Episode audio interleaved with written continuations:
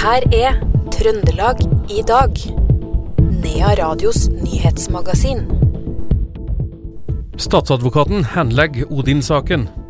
Rosenborg får over 100 millioner for salget av Tengsted. 2500 nye arbeidsplasser kommer til Orkland når man neste år går i gang med bygging av gigantisk batterifabrikk. Dette er noen av sakene du får høre mer om i dag, onsdag 11.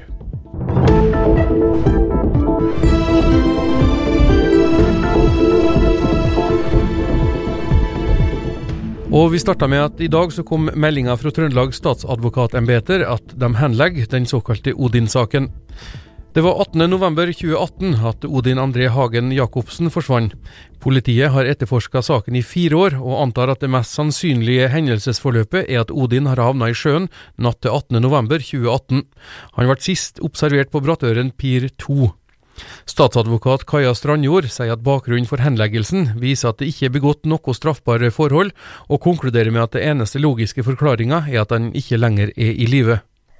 Eh, bakgrunnen for henleggelse av Odin-saken er at uh, etterforskninga har vist at det ikke er begått noe straffbart forhold angjeldende Odin.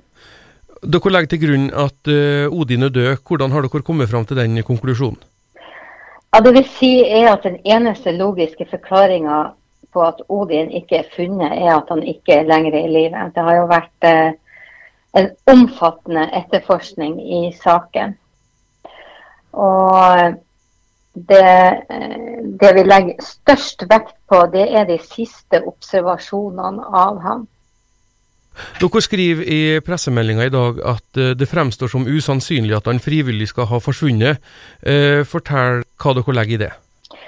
Ja, i det altså At han skal ha reist en plass og tatt opphold i en annen by eller eh, et annet sted, det finner vi usannsynlig. Fordi han la fra seg på Brattørkaia, eh, Pir 2, så la han fra seg pass og mobil han la fra seg sko, han la fra seg en Rema-pose med klær. Så, eh, og det, det, er de absolutt siste observasjonene av han ble gjort eh, om morgenen den 18. november eh, 2018. Det sa statsadvokat Kaja Strandjord i Trøndelag statsadvokatembeter. I dag kunne MN24 melde at i 2024 starta byggingen av en enorm batterifabrikk i Orkland. Batterifabrikken vil huse nærmere 2500 nye arbeidsplasser og skal bygges i moduler. Man regner med at batteriproduksjonen vil starte opp allerede i 2026. Ordfører Oddbjørn Bang i Orkland sier at dette er en gledens dag, men at det også er utfordringer for kommunen når det gjelder infrastruktur. Nei, For Orkland kommune så er det jo et tidsskille når det gjelder næringsutvikling. og Det er jo en gledens dag, men du vil jo også få en del utfordringer med utbygging av infrastruktur i form av eh, boliger, skole, barnehager osv. Men eh, det skal, vi, det skal, vi, klare å få til. Det er, en, det er en gledens dag for oss i dag. Hva er ei framtidig oppside til dette for dere som kommune? Vi tror jo det at det her vil eh, skape arbeidsplasser for et mye større omland enn kommunen vår. Så, så det er jo ikke alle de her som vil bosette seg i kommunen. Men vi tror jo at en god del vil gjøre det slik at vi får en fin befolkningsvekst. Og Da må vi, må vi legge til rette for det. Hvorfor havna fabrikken akkurat hos dere i Orkland? Nei, Vi har en del naturlige fortrinn som eh, Valinor da, og norsk industriutvikling spesielt eh, har sett. Og det, og det at eh, vi, er, vi, er, jo midt i et forholdsvis stort arbeidsmarkedsområde. Vi har to sentralnettstasjoner som kan forsyne Eh, fabrikken med strøm, og vi har egen havn. Og vi har eh, gode kommunikasjoner mot Trondheim og nærhet til teknologimiljøet i Trondheim, altså NTNU og, og Sintef. I tillegg er det jo bare en time fra flyplass, så vi har mange ting som trekker i vår retning. En bil stakk i går kveld av fra en front-mot-front-kollisjon mellom to personbiler i Byåsveien på Munkvoll i Trondheim. Politiet søkte etter bilen, og fant trolig riktig bil i Halsetlia senere på kvelden. Bilen som sto igjen på ulykkesstedet har fått materielle skader, men fører fremsto som uskadd.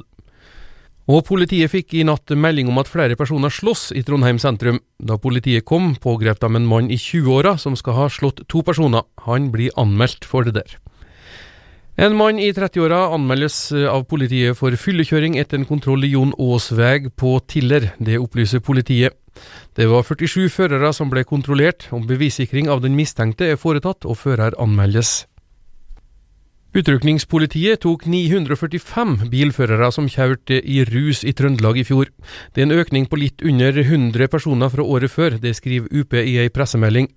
En undersøkelse viser at det er flere som kjører med dagen derpå-promille enn tidligere. To personer ble sendt til sykehus etter en trafikkulykke i Gjømeslivegen i Årskland. To andre personer skal også være skadd, melder politiet. Ulykka skal ha skjedd mellom to møtende biler, det skal være store materielle skader på dem, og politiet etterforsker saken. To biler har også kjørt i autovernet på fv. 65 ved Orkdalsveien. Det er ingen personskade, og politiet fikk melding om at det var glatt på stedet. I sekstida i morges så meldte Trafikksentralen Øst at E6 over Dovrefjell var stengt pga. sterk vind. Alternativ rute mellom Midt-Norge og Østlandet ble da rv. 3 gjennom Østerdalen, skrev de på Twitter. Og på St. Olavs hospital i Trondheim hopa pasientene seg opp i akuttmottaket pga. fulle sengeposter, fordi korridorene ved sykehuset ikke kan brukes til pasienter pga. byggets utforming. Kommunikasjonsdirektør Marit Kvikne sier til NRK at det blir en opphopning av pasienter i akuttmottaket fordi de ikke kan tas videre til sengepostene. Ved landets sykehus er det nå over 200 pasienter som ligger på gangen fordi det ikke er nok senger pga. stor pågang av pasienter. Og nok ei melding fra St. Olavs. St. Olavs hospital er skyldig i overgrep, det mener professor i medisinsk etikk Jan Helge Solbakk. Sykehuset i Trondheim har utsatt den genetiske far og mor i en forbytting av et embryo for overgrep, sier han til Aftenposten. Embryoet ble satt inn i feil kvinne på slutten av 90-tallet. Forbyttingen ble oppdaga for fire år siden. Barnet som ble født er i dag en ung voksen i 20-åra. Trondheim-selskapet Okea er tilbudt fire nye lisenser, etter at regjeringen i går delte ut 47 nye lisenser til oljeselskap på norsk sokkel. Det skriver regjeringen i en pressemelding. Morten Krogh, som leder Okeas leteoperasjoner, sier i ei børsmelding at uh, disse tildelingene gir Okea en stor mulighet til å bygge videre på aktiviteten rundt Draugen, Brage og Gjøa, sier han. Det betyr nå at eh, Okea har interesse i 16 lisenser. De to nye lisensene der Okea er operatør, er i Norskehavet og i den nordlige Nordsjøen. Politiet fortsetter etterforskningen av dyretragedien på Innherred, der det ble funnet over 200 døde gris i et fjøs, og har gjennomført uh, avhør av den sikta i går. Saken er fortsatt under etterforskning, sier Amund Sand, som er påtaleansvarlig i saken ved Trøndelag politidistrikt. Vi har eh, utført en del arbeid og har en god del arbeid igjen. Eh, det er gjennomført et eh, avhør av han som er sikta i går, og han erkjenner da straffskyld etter den siktelsen som foreligger. Hva, hva sier han som er sikta om siktelsen? Eh, jeg kan jo ikke gå noe mer i detaljer på hva han har forklart, men det er jo en erkjennelse av at det har vært eh, svikt i tilsyn og stell eh, av denne grisebesetningen som en har ansvaret for. Hvordan har dette kunnet skjedd uten at andre instanser kom innom gården tidligere? Nei, det er jo et uh, vanskelig spørsmål å svare på, egentlig. Det er jo, uh, men det er jo erfaring fra tidligere lignende saker at uh, det ofte er sånn da, at det her blir holdt skjult til det har gått veldig galt. Jeg kan ikke egentlig gå noe mye nærmere inn på alle de ulike mekanismene som kan gjøre at det er sånn, men uh, vi ser jo det. da, At det, det er ikke uvanlig i denne type saker. Og Det er jo heldigvis en type saker som er veldig sjelden. da. Det er ikke ofte vi har sånne saker. Det sa Amund Sand, som er påtaleansvarlig i saken ved Trøndelag politidistrikt, til reporter Iver Valldal Lillegjerdet. Det var altså Mattilsynet som først fikk et varsel i saken, og regiondirektør i Mattilsynet Steinar Westerberg sier at det er en veldig alvorlig dyrevelferdssak som de sjelden får oppleve. Sjøl har han ikke opplevd noe slik tidligere, og det er en tragisk hendelse for alle. Bondelagsleder Peter Kimo i Trøndelag sier han reagerer med sjokk og føler med mennesker som står oppi tragedien. Sjokk og, og, jeg mottok beskjeden i går, og jeg må si jeg føler med på de menneskene som står midt i en, det som kan se ut som en, og som er en tragedie nå. Ja, dette skjer ikke så ofte, hørte vi eh, politiet si her. Eh, det er vel for så vidt også riktig? Ja, det er det. Men er en sånn tragedie en for mye? Og er det noe vi kan dra av lærdom av denne saken som kan forhindre en neste, så skal vi eh, jobbe for det. Hvordan jobber dere i Bondelaget, eller hva gjør dere i, i Bondelagene når, når sånne situasjoner oppstår? Vi har jo etablert et beredskapssystem eh, der at vi da, når vi får varsel om noe sånt har skjedd, så sjekker vi om, eh, om eh, ja, folkene rundt er ivaretatt. Eventuelt hvis det er dyr som må ivaretas, at vi kan bidra. Tilbyr oss da på krisetimene, f.eks. i kommune, og, vi har vårt, nettverk. Vi har ikke folk ansatt sjøl til sånt, men, men vi har nettverket. Det sa bondelagsleder Petter Kimo til reporter Knut Inge Skjem. OL-vinner og tidligere skøyteløper Johan Olav Koss var en av gjestene under sjømatdagene på Scandic Hell i dag. Han er styreleder i Sirkmar AS, som er i gang med å utvikle en mer klimavennlig løsning for frakt av fisk. Tar sjøplast, altså plast fra sjøen som er blitt brukt i, som er allerede avfall, og bygger nye produkter for å kunne bruke det da må det i et sirkulært system. Det er mye mer komplisert enn jeg trodde det var når vi begynte. Må ærlig innrømme det, altså. Eh, for det skal jo samles inn, det skal vaskes og det skal brukes på nytt eh, i et system.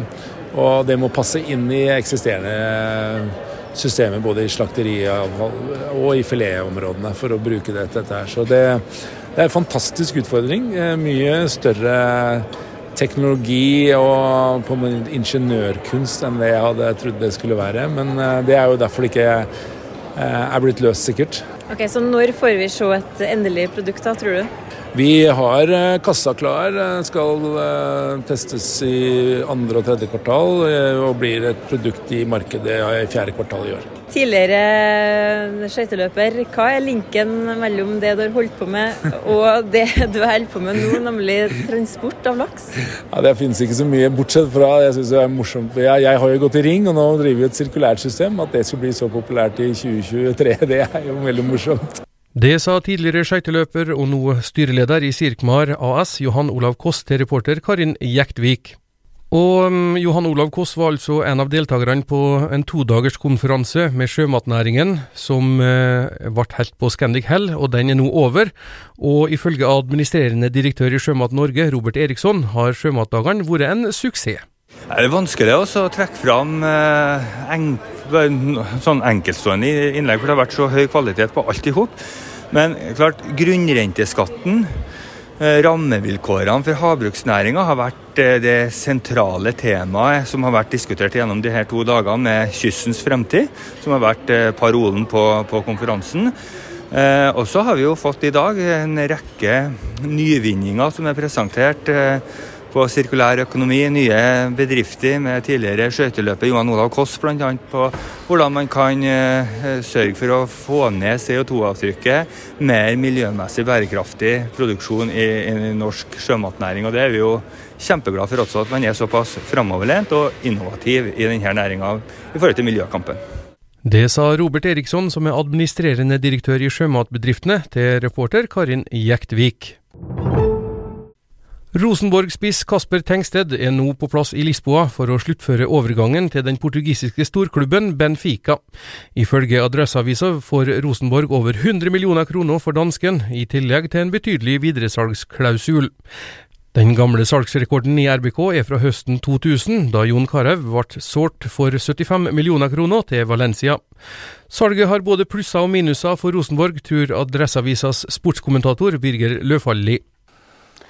Nei, Det er to viktige poeng der. da. For det første så gir det klubben økonomisk handlingsrom. Det har jo ikke gått uh, veldig bra økonomisk de siste åra, så det er jo kjærkomment sånn skitt. Uh, for det andre så blir jo laget ganske betydelig svekka. Det er den beste, den viktigste spilleren som forlater Rosenborg, og en som er veldig uh, vanskelig å erstatte. Så på kort sikt så blir Rosenborg svekka, men totalt, hvis de forvalter de midlene godt og jakta like godt på en erstatter, så kan jo det her eh, Eller det bør jo bare være et steg på veien som eh, Rosenborg eh, sist høst viste at de forhåpentligvis er på vei mot. da. Men det å skåre 15 mål i en halv sesong på Eliteserien i Norge, er det egentlig en, en spiller som en klubb på Benficas størrelse ser etter det? Tydeligvis er det nå det, da. Og sånn som Tengstedt presterte sist halvår i Rosenborg, det var jo nesten ikke mulig å se noen begrensninger for han i norsk fotball. Eh, og det var jo bare et tidsspørsmål før han skulle gå videre så god som han var. Sånn er fotballen i dag. Du, du kan ikke holde på en sånn spiller over år.